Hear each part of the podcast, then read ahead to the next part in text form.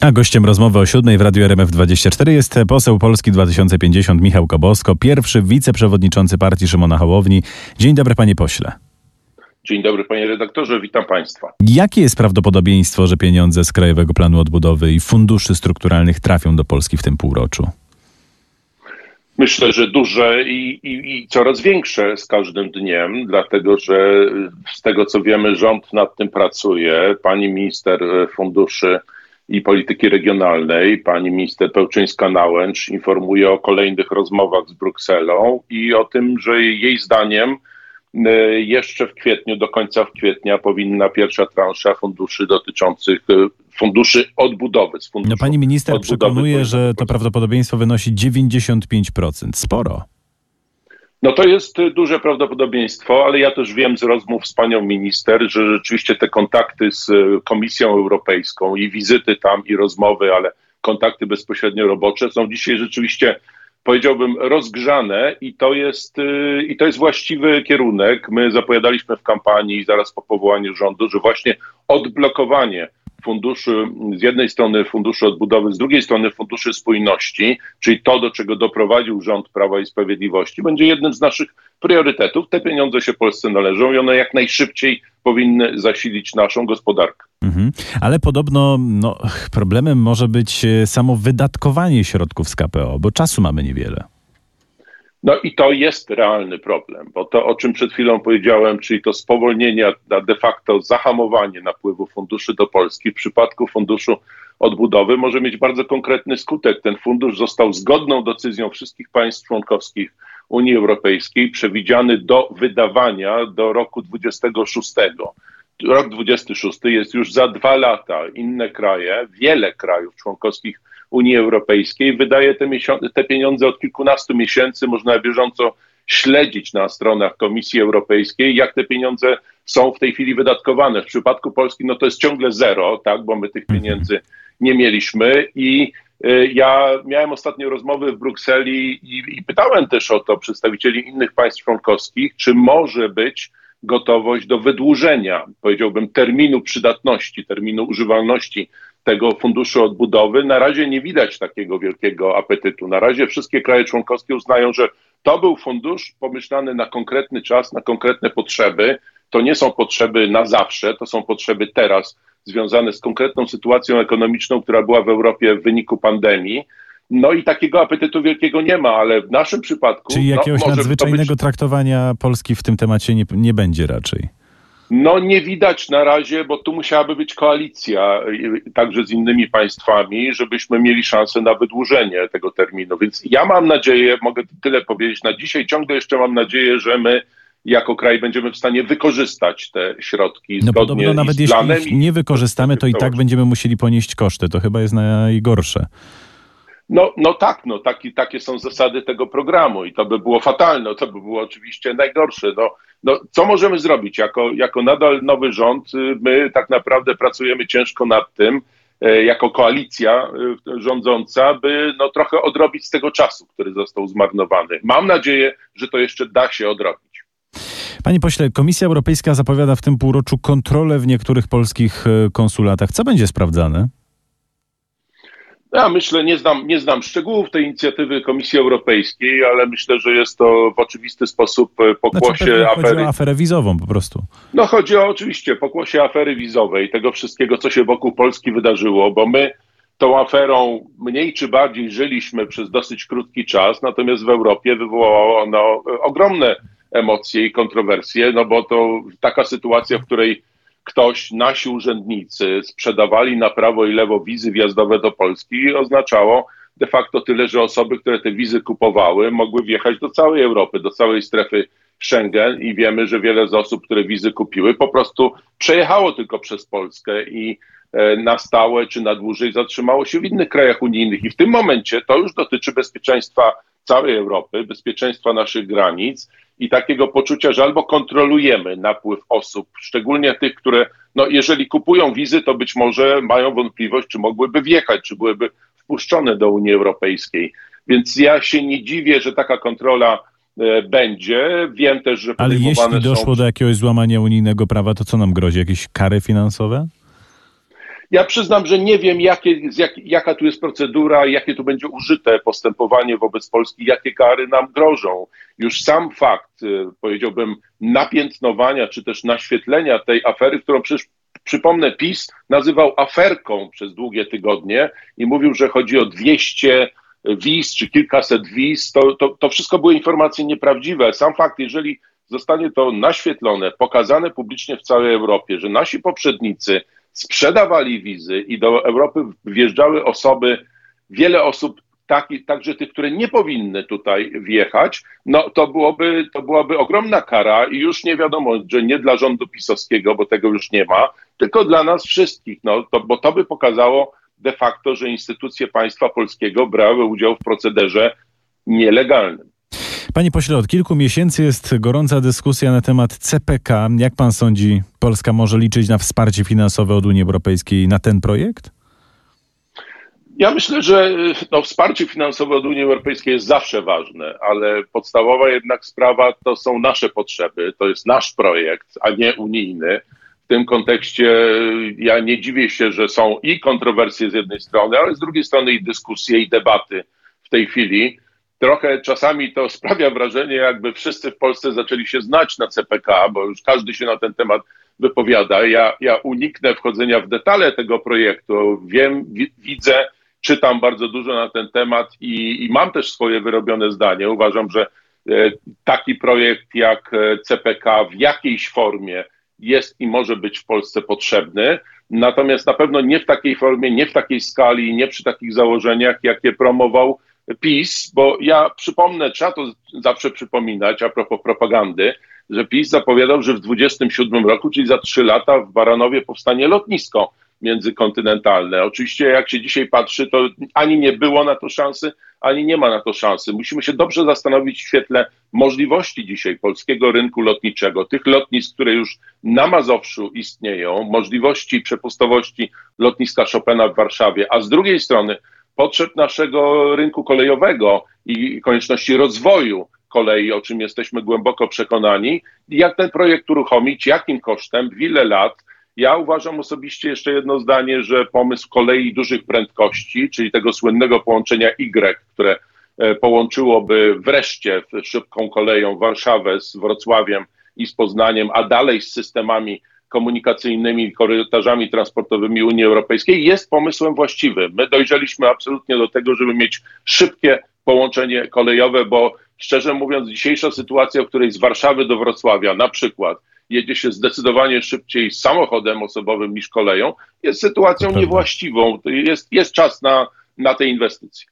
No właśnie, ale y, nie wiem, czy jest jakiś dobry czas dla tej inwestycji, bo są takie wypowiedzi premiera, na przykład wszystkie dotychczasowe ekspertyzy stawiają pod znakiem zapytania całą inwestycję. To jest wypowiedź, która no tak bije rekordy popularności, ponieważ y, no, jakby nikt nie widział żadnych tych ekspertyz i jest tutaj takie powątpiewanie, czy aby są takie ekspertyzy, czy jednak premier tutaj nie nadużył trochę.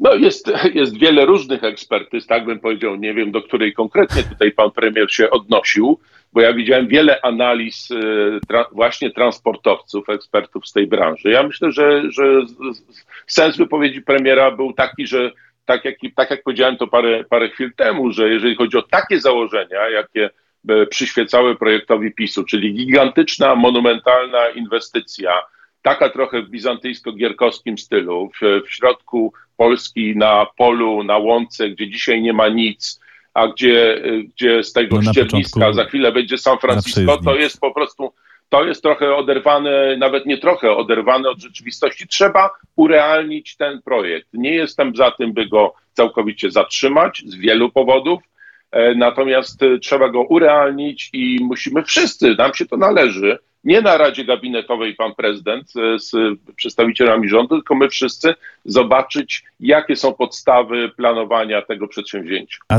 jak pan czuje swoim politycznym nosem? Czy premier e, ma ochotę udusić ten projekt, albo przynajmniej skazać go na jakąś taką powolną śmierć? Ja nie mam takiego wrażenia. Ja mam wrażenie, że my wszyscy, bo to nie jest, przepraszam, ale tylko sprawa pana premiera, ale sprawa tych, którzy współtworzą dzisiaj koalicję większościową, wszyscy musimy patrzeć na realne potrzeby, jeżeli chodzi o rozwój polskiej gospodarki, jeżeli chodzi o potrzeby też transportowe naszego społeczeństwa.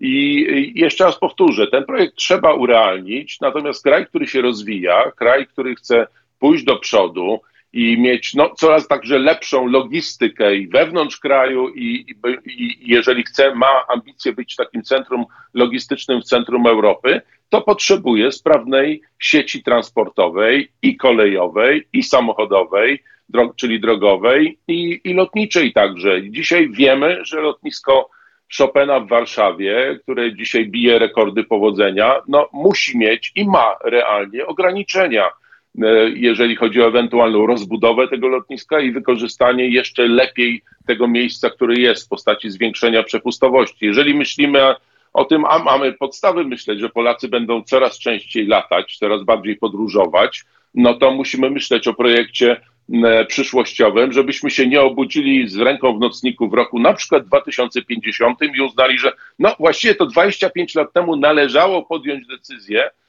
gdyby politycy patrzyli perspektywicznie. No my w Polsce 2050 staramy się patrzeć właśnie tak, perspektywicznie. No jest jeszcze jedna kwestia, mianowicie taki kontekst wojskowy. Tu jest y, cytat z perspektywy strategicznej CPK jest absolutnie kluczowy. Dzisiaj nie mamy zdolności do przyjęcia i właściwego rozlokowania w odpowiednim czasie i w odpowiednim wymiarze wojsk NATO w razie zagrożenia. To powiedział niedawno e, w kanale Zero były szef sztabu generalnego generał Rajmund Andrzejczak. To jest też chyba ważna sprawa.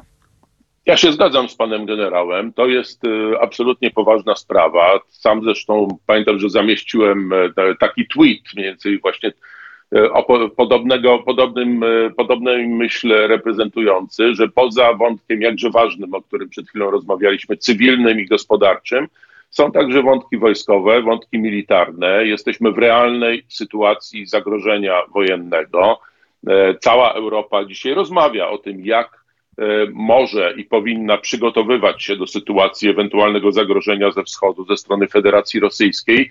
Możliwość, umiejętność, skala szybkiego transportowania wojsk między krajami europejskimi, czy spoza kontynentu europejskiego, czyli de facto ze Stanów Zjednoczonych, z Ameryki Północnej do Europy, to będzie jeden z kluczowych elementów e, całego systemu obrony. Tu nikt nie ma co do tego złudzeń, że dzisiaj ani za dłuższą chwilę również Europa nie będzie sobie sama w stanie poradzić czy odeprzeć ewentualny atak ze wschodu. I w tym momencie kluczowa staje się logistyka, nie tylko jakie mamy czołgi, jakie mamy samoloty i śmigłowce, ale też jak szybko jesteśmy w stanie przerzucać żołnierzy, oddziały, sprzęt z miejsca w miejsce. I, i tutaj CPK i jeżeli chodzi o obronę naszego kraju, i jeżeli chodzi o obronę całego naszego regionu, czyli połączenie lotniska i sieci kolejowej i możliwość wykorzystania ich e, do celów wojskowych, tak, także ma istotne znaczenie i, i nie można sobie z tego po prostu żartować, nie można tego odrzucać, odkładać na bok. No,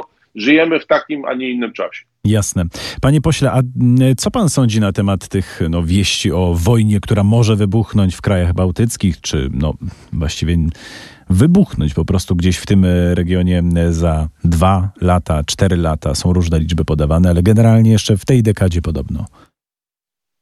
No ja, ja o tym czytam, oczywiście widzę i słyszę te, te scenariusze ekspertyzy, ale też tak można powiedzieć organoleptycznie doświadczyłem tego, co, co, co dzieje się, jaka jest atmosfera w krajach bałtyckich. Niedawno byłem z panem marszałkiem Hołownią, uczestniczyłem w jego wizycie oficjalnej w Wilnie, w rozmowach z litewskimi politykami, posłami, ale także z, no, z ludźmi na ulicy Wilna. I oni no, mają takie bardzo poważne obawy, że są tym krajem i tym regionem, jako kraje bałtyckie, Litwa, Łotwa i Estonia, gdzie Rosjanie mogą, no, mówiąc szczerze, najłatwiej, najprostszy sposób spróbować różnego rodzaju prowokacji.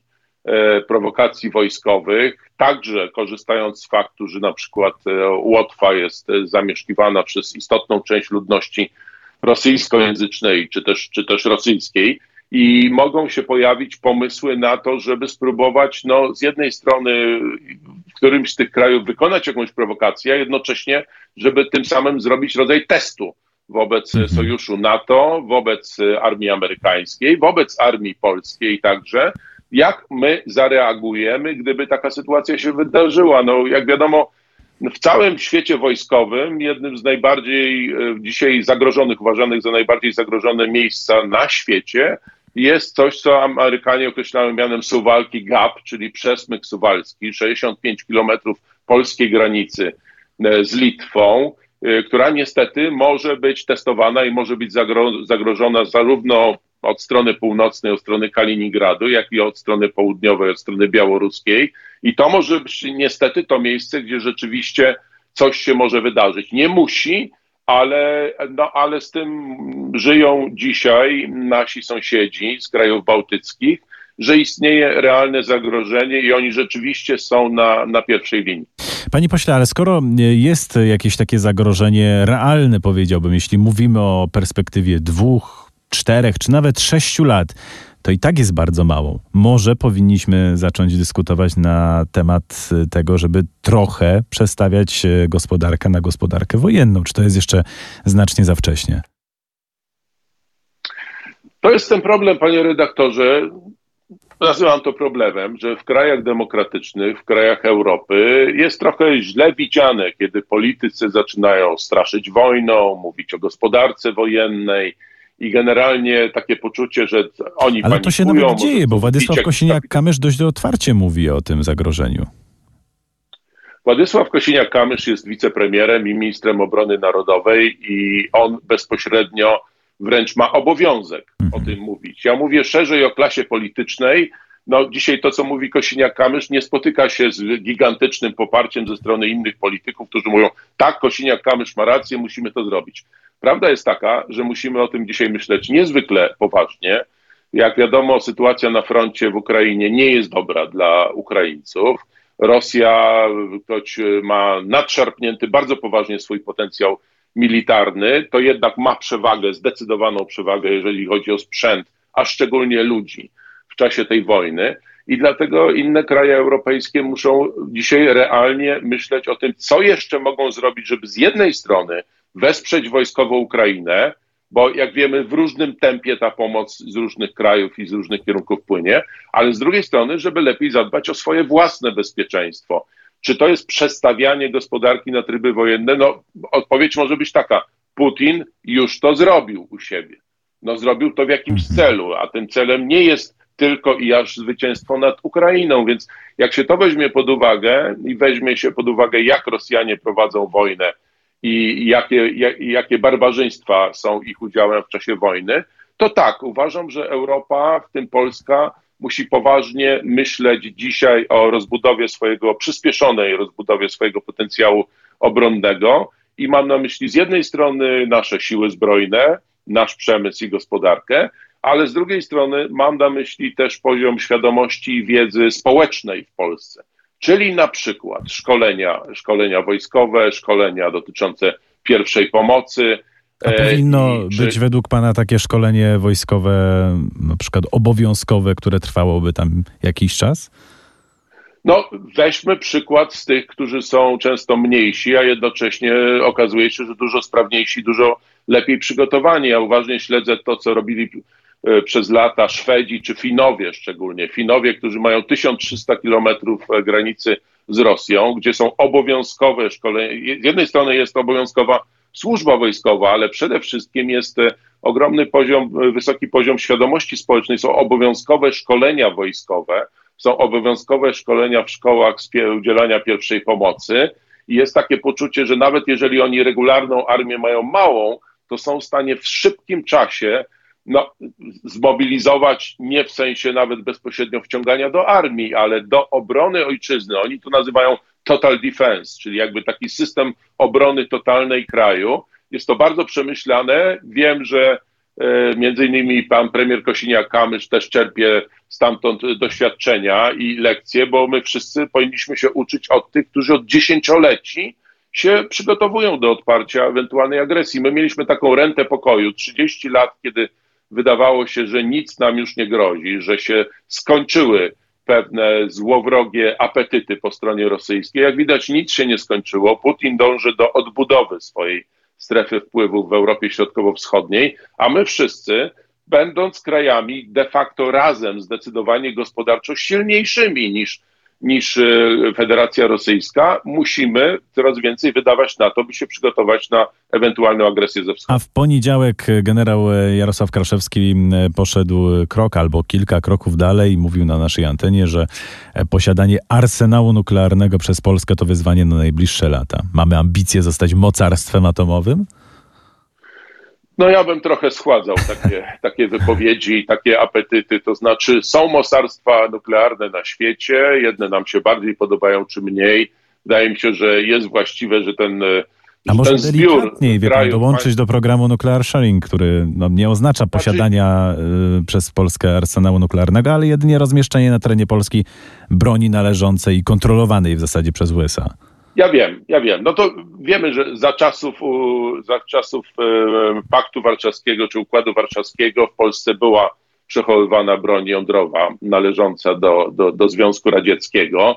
Mocarstwa mają swoje plany i w ramach także sojuszy obronnych, sojuszu NATO, no, róż, istnieją różne plany rozlokowania broni nuklearnej, ale ja bym jeszcze raz wrócił do tego, że zanim zaczniemy myśleć o atomie, to chciałbym, żebyśmy mieli sprawne nasze siły zbrojne, e, dobrze wyszkolone, dobrze wyposażone, takie, które się sprawdzają w czasie dużej ilości treningów, ćwiczeń, manewrów i o których wiemy, że będą w stanie bronić naszej ojczyzny, używając broni konwencjonalnej. Broń atomową no, zostawmy przede wszystkim mocarstwom nuklearnym, no, tym, które na koniec decydują o, o stanie pokoju na świecie. Tutaj stawiamy kropkę. E, poseł Polski 2050 Michał Kobosko, pierwszy wiceprzewodniczący partii Szymona Hołowni. Bardzo panu dziękujemy za rozmowę. Do usłyszenia. Dziękuję bardzo, miłego dnia.